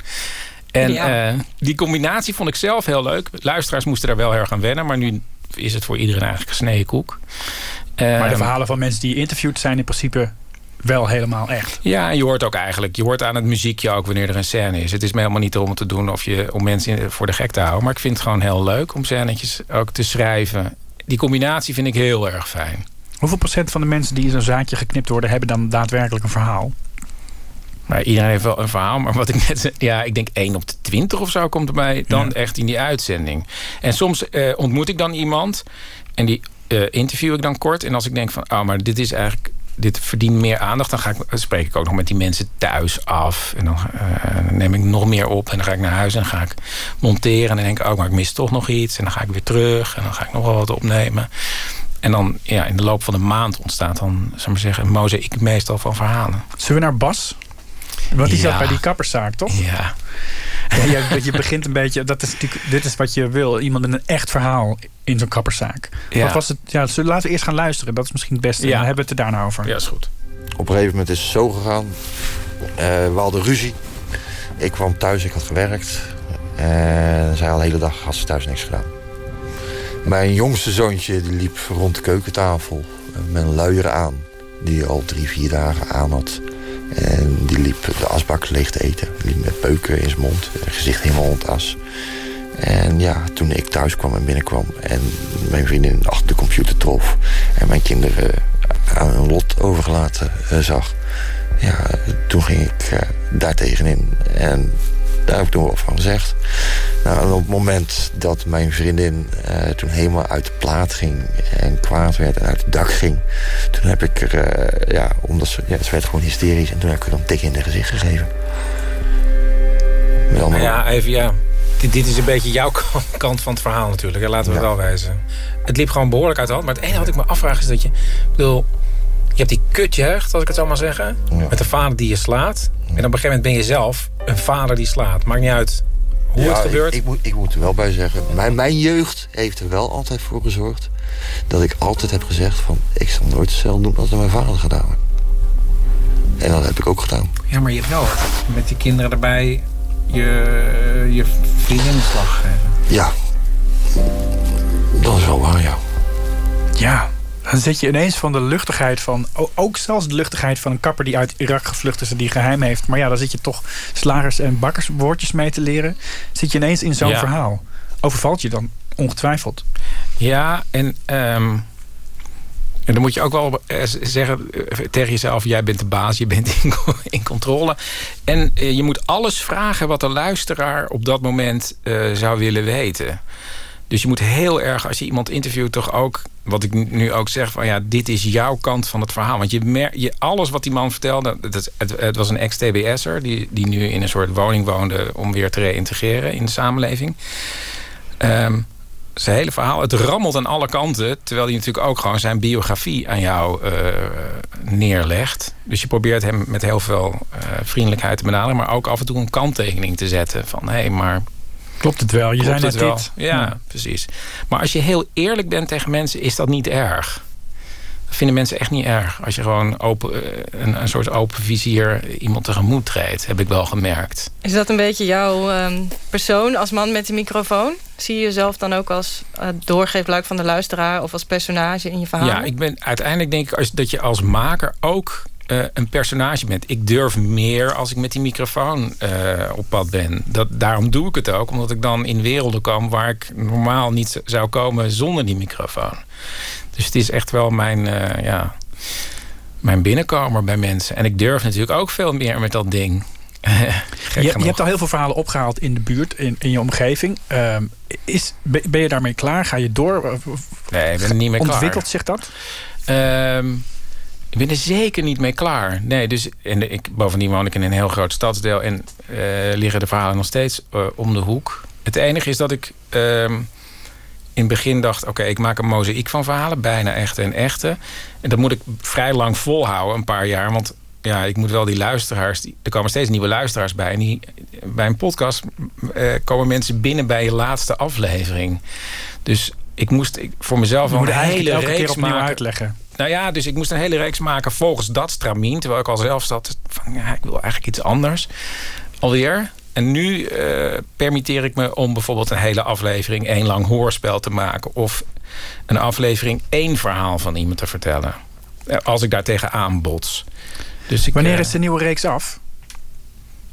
Oh, en, en nu Zie je paniek in je ogen? Ja, er is altijd paniek. maar ik heb sowieso een paniekuitstraling. Daarom werk ik voor de radio. um, Nee, ik begin gewoon met werken. En ehm, e- eind uh, juni zijn er weer zes afleveringen klaar. Maar wat dat wordt, weet ik niet. Ja, ik ben nu wel met twee dingen bezig. Tegelijkertijd. Dus die eerste twee afleveringen weet ik wel ongeveer wat het gaat worden. Laten we naar de andere podcast gaan. Want er zijn nog heel veel uh, mooie dingen die hierop lijken. En ook weer helemaal niet. Laten we bij jou beginnen, Elja. This American Life. Uh, ja, toch een beetje de oerpodcast. Ook voor jou, denk ja, ik. Uh, de, de, ja. Het schoolvoorbeeld in Amerika hoe je een gemonteerde podcast uh, mooi maakt. En een speciale aflevering die mooi raakt aan ons thema van deze keer. Ja, ja daarom. Uh, This American Life ligt bijna te veel voor de hand om uh, te tippen in een podcast over podcast. Maar ik uh, kon het niet laten liggen omdat ze deze keer in Amsterdam waren neergestreken. een enorm groot, goed beluisterde podcast. 5,7 miljoen luisteraars per aflevering. Echt heel groot. Dat is ja. echt veel, ja. En ze waren in Amsterdam, dus oh, leuk. Maar uh, dat viel een beetje tegen, want uh, het is bepaald geen reclame, het verhaal wat ze. Geen reclame voor Amsterdam, het verhaal wat ze daar uh, hebben gemaakt. maar wel heel bijzonder, omdat je dus ziet van hoe een buitenstaander kijkt naar een Nederlandse situatie. En deze aflevering gaat over de brandweer in Amsterdam. Daar waren al jaren problemen, zijn al jaren problemen. de sfeer daar is heel, heel slecht. Uh, er is uh, racisme binnen het korps, er is uh, seksisme. Vrouwen die worden ja, enorm op neergekeken. En er is een sfeertje van wij zijn een stelletje macho's. En wij weten precies hoe het moet. En eigenlijk niemand had grip op die club, zelfs niet de leiding. En er kwam een nieuwe baas, die, die zou orde op zaken gaan stellen. En de, de journalist, ze heet Joanna Kakissis, die heeft, die, heeft hem gevolgd, Leenschaap. Wil je een fragmentje horen? Ja, laten we dat ja. doen. Ja, In ik dit wil fragmentje die dan uh, zet ze hem echt heel mooi neer. To take on a bunch of tough guys, the mayor hired someone who was used to being the toughest guy in the room. Lane Schaap climbed to the upper ranks of the Amsterdam Police Department by speaking his mind and not caring who didn't like it. He got things done by moving quickly and aggressively. He ran the riot squad. He was known in town for forcing out anarchists, squatting in a full city block of abandoned homes. Amsterdam is a progressive city, and sympathy was with the squatters. Lots of people hated Lane for what he did. They threw paint bombs at him. Ik bedoel, alleen laffe leiders die duiken weg. Only cowardly leaders don't show up. My interviews with him are filled with these kind of tough guy cliches. Nou, die strijd ga ik aan. This is a battle, and one of us is going to win it, and it's not going to be you. Sometimes it was hard to keep a straight face. Nou, we zijn bij de brandweer, dus ik ben niet zo bang voor een vuurtje. I'm in the fire department, so I'm not really worried about getting burned. okay. Uh, you're tough. you're tough. Lane smiled. He knows when he's laying it on thick. He's intense, with reddish brown hair and blue eyes that look incredibly icy if you've pissed him off. His first week on the job, there's a welcome lunch for him. Firefighters don't show up. Then he gets an anonymous letter telling him not to enter any fire stations. He goes anyway, and he notices right away there's nowhere for him to park. The fire station's parking spaces are filled with recreational vehicles. Boten, campers, caravan. Ja. ja. best wel raar. Dan hoor je dus de tolk door hem heen praten. Want het moet voor Dat zijn we toch niet gewend eigenlijk, hè? Dat, uh, dat een Nederlander dan niet gewoon even in het Engels dat interview doet. Ja, ik denk dat hij zich toch beter kan uitdrukken in het Nederlands. Ja, kennelijk. Fascinerend verhaal, omdat het uh, gaat over een manier van... Ja, we, we, denken juist aan Amerika bij dit soort uh, praktijk. Ik in elk geval. Als je het hebt over racisme in de politie in Amerika... bijvoorbeeld, die verhalen kennen we allemaal. Nu komt ineens een soort omgekeerde boemerang naar ons toe. Ja, dat was verbijsterend. Ja, ik had er wel eens wat over in de krant gelezen... dat er problemen waren, maar nog nooit op deze manier... en nog nooit zo ook van binnenuit verteld... Dus dat is wel bijzonder dat inderdaad iemand van buitenaf daarvoor uh, in moet vliegen uit Amerika om ons te laten zien uh, hoe, dat, uh, ja, hoe dat in elkaar zit. En ook wel grappig om haar dan te horen zeggen over de ja, de cancer Moroccans. Dat is dus het geldwoord wat daar gebruikt wordt. En het polder model is ook, komt ook aan bod. En natuurlijk uh, Zwarte Piet. En de, nou ja, dat ze dus vertelt de, over de cultuur in Amsterdam, hoe zij dat dan heeft gezien. Ja, in die zin raakt het wel degelijk aan dingen die daadwerkelijk in die stad gaande en in het, in het land Nederland gaande zijn natuurlijk. Ja, dus het is heel boeiend om dat door andere ogen een keertje mee te maken. Er zat ook nog een, een, een, een, een gifslangertje in voor burgemeester Halsema. Want die zou gelachen hebben achter de schermen... om een grapje dat die, politie, of die brandweermannen onderling steeds maakten. Ja, een racistische grap. Ja, zij komt er heel slecht vanaf eigenlijk. Uh, en, maar zij heeft ook uh, geweigerd om commentaar te geven aan de journalisten. Dus ze hebben ook geen wederhoor kunnen uh, plegen. Ja, hoe het uiteindelijk ja, het grapje moet ik toch even vertellen. Het, gra het grapje ja, nee, ik wil het grapje wel vertellen. Want het is namelijk een soort lullig grapje. Alle donkere politieagenten of brandweerlieden in dat korps werden dan Ger genoemd. Zodat als ze dan een keer nee konden zeggen tegen hem, dan werd het neger. En dan moest dan, dan, moest dan volgens, volgens die leen moest, moest de burgemeester daarom lachen. En dat vond hij chockerend. En dat klinkt ook heel chockerend. En het rare is dat als je er van buiten kijkt, dan kan je niet voorstellen dat dat zo gegaan is. En ze wilde er niet, niet op reageren. Ik vond het echt heel raar. Ja. Zou jij dat kunnen voorstellen dat je echt zo'n brandweerkazerne induikt en dat je.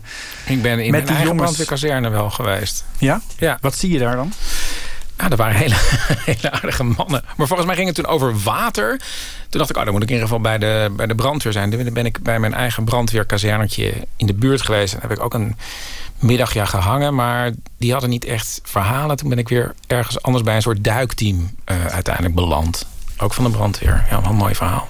Laten we naar jouw tip gaan. Cumberbin's Treasure. Ja. Oh, een jingle. We hebben nog een jingle, tuurlijk. ja. Wat is het? Wat gaan we horen? Nou, ja, ik hou heel erg van, uh, uh, van het maken van radiocomedy. En op een gegeven moment ontdekte ik via een stuk in The Guardian... een, uh, een zeer succesvolle serie van de BBC. die heet Cabin Pressure. En dat is eigenlijk een comedy die zich afspeelt in een vliegtuig. Met eigenlijk maar Deuren vier, dicht. Ja, met vier hoofdrolspelers. dus dat is een hele kleine setting. Dat is voor een comedy natuurlijk, een situation comedy, heel erg geschikt. En uh, die ben ik gaan luisteren. En dat is van een maker die heet John Finnemore. Ja, ik vind het ja, misschien wel de beste radiocomedy die er is. Zullen we een stukje horen om de sfeer even te pakken ja. te krijgen? Good afternoon. This is your captain speaking. Just to say there is absolutely nothing to worry about.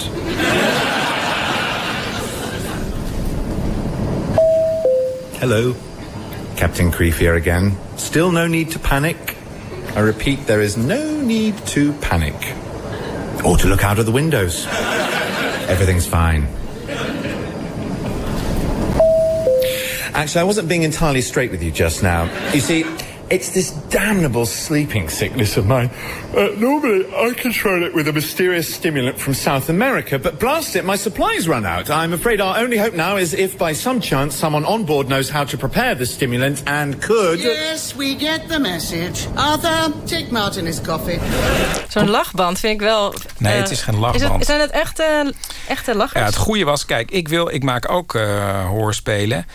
En uh, ik heb ook wel eens voor live publiek opgenomen. En dat vond ik altijd heel moeilijk. Maar hier vind ik het heel goed. Dit is dus opgenomen voor live publiek. Wauw. Ja. En dan vind ik, soms heb ik het idee, als je dan een hoorspel maakt, dan voel je je buitengesloten als luisteraar, als er een publiek bij zit. Maar dat heb ik hier helemaal niet. En uh, als maker was ik heel erg geïnteresseerd. Hoe nemen ze dit op? Dus Ja. ik heb echt op, uh, op internet gekeken en uh, gezocht naar de opstelling van microfoons in de zaal. En hoe, ze, hoe die acteurs staan. Want ik heb vorig jaar ook een live hoorspel opgenomen. En dat ga ik dit, dit, dit begin december weer doen. Een kersthoorspel. Um, en het grappige van dit hoorspel is dat ze hadden Benedict Cumberbatch... Of nee, hoe heet hij nou? Ja, ja, ja, ja die hadden ze als superberoemde filmster in dat hoorspel. En het is vier seizoenen, maar na twee seizoenen werd hij opeens wereldberoemd als Sherlock. En toen kwamen er opeens ook. Er stonden er rijen voor dat theater waar het werd opgenomen. Voor allemaal fans van die serie Sherlock. Die dan ook uh, bij dat hoorspel uh, kwamen kijken. Dus het was opeens. Het ontstond er een run op, uh, op, op, mensen die, die, die, die daarbij wilden zijn. Ja, het is, ja, ik vind het een genot om naar te luisteren. Maar het, misschien is het enige nadeel dat jullie dan denken dat het een, uh, een, een lachband is. Want dat had ik vorig jaar dus ook. Dat mensen zeiden, ja, ik vind het wel een leuk hoorspel... maar waarom zet je er een lachband onder? Het was echt. Ja, ja, dat, is, ja maar dat moet, moet er dan misschien van tevoren heel ja. erg uh, benadrukken. Let op, dit is echt. Maar die spanning als acteurs... want ik mag zelf ook graag meespelen... die spanning voor een publiek om live dat te doen... dat is ja, echt gewoon onbetaalbaar bijna. Dat is een heel genre op zich, een live podcast. Maar we moeten nog even naar mijn tip.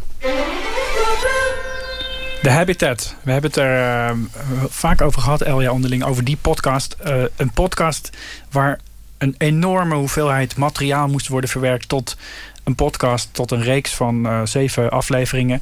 Het is een bizar verhaal, vind ik, omdat het een soort experiment is geweest waarin mensen moesten gaan trainen hoe het zou zijn om als astronaut naar Mars te gaan. En dan komen ze terecht op een ja, onherbergzame plek waar je eigenlijk niet naar buiten kan zonder pak. En dat, dat is natuurlijk niet echt zo. Dat hebben ze gedaan in Hawaii op een soort rotsachtige omgeving. En de mensen moesten zich een jaar lang houden aan de regels van astronauten die daadwerkelijk op Mars zouden zijn. Eerste fragment. Under circumstances like this, of course, certain things will start to get on your nerves. But as the experiment goes on and the audio diaries come in, I start to see it's not just the obvious stuff that's driving people crazy anymore. It's not just the stomping and the running. It's also stuff that in the beginning of the mission seemed really nice. For example, you know, it's Sunday whenever the uh, chief engineer is hanging out and yelling, Tortilla! Deep into the experiment, Anjay is still making the same breakfast burritos every week with the same shouts of Tortilla! Tortilla. Tortilla! It's like every single Sunday. There cannot go a Sunday that we will be here that we will not have the exact same thing for breakfast cooked every single Sunday. Mm-hmm. With shouts of tortilla. Tortilla. He loves tortillas, man. As burritos kept appearing on the breakfast table week after week after week, some of the crew started to get bored with them, and then a little grossed out by them. And eventually, like nobody wants it. Ja, nobody wants it. Uh, dit, ja, ik zie jou al een beetje kijken van dit is Big Brother. Ik, ik, dus je zei ja, er net ik, al wat ik, over. We hadden het er een beetje voor de uitzending over... dat ik was na twee afleveringen afgehaakt. Ik weet ook niet precies waarom hoor. Want ik dacht van ja, waar gaat dit dan heen? Ja, ik dus niet. Want het, is, het heeft Gaat aan de het ene ergens kant, heen nog? Aan de ene kant Ja. heeft het dus, dus Oh, ja, de, saaiheid van uh, Big Brother. Hè, dat je dus zit te kijken naar van mensen die in een huis zitten... en elkaar op een gegeven moment de hersens wel in kunnen slaan. En tegelijkertijd gaat het natuurlijk ook echt over Wat heb je nodig om naar Mars te gaan? Welke wetenschappelijke uitvindingen zijn daarvoor nodig? Uh, en wat voor consequenties heeft het voor het contact dat je kunt hebben met het thuisfront? Bijvoorbeeld. En ja, uiteindelijk gaat het natuurlijk over van... wordt er nog geneukt of wordt er nog gevochten? En, en beide is het geval. Dus, uh, oh shit, nu is spoiler alert. Nou ja. Jongen, jongen, Toch een jongen, aanrader. jongen, jongen. Toch luisteren. Ga je afleveringen. vertellen in welke aflevering dat gaat gebeuren? Of, ehm, De allerlaatste aflevering. Maar daarvoor moet je natuurlijk wel eh, alles hebben geluisterd. Juist, dat was hem eh, voor eh, deze keer. Koos Podcast. We hebben er vier besproken. Die kun je vinden op vpro.nl slash Koos Podcast. Dankjewel Chris dat je er was. Graag gedaan. En dat was het voor deze week. Maandag zijn we weer terug met Nooit meer slapen. Dan gaat Pieter van der Wielen in gesprek met Sandra Berens. Eerder werkte ze als producer voor verschillende films en documentaires als Cowboy, Arigato, Nachtrit en In Blue. Nu regisseert ze haar eerste eigen film. Ze noemen me Babu. De documentaire vertelt het turbulente levensverhaal van het Javaanse kindermeisje Alima. Dat en meer aanstaande maandag. Nu kunt u luisteren naar het hoorspel half uur. En ik wens u nog een heel goede nacht.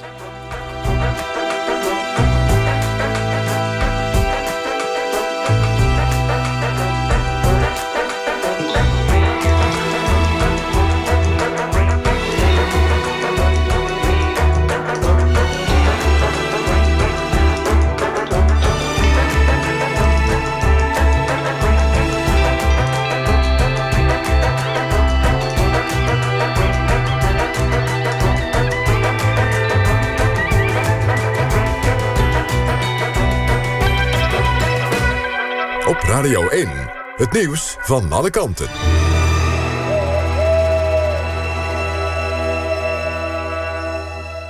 En dan is het nu weer tijd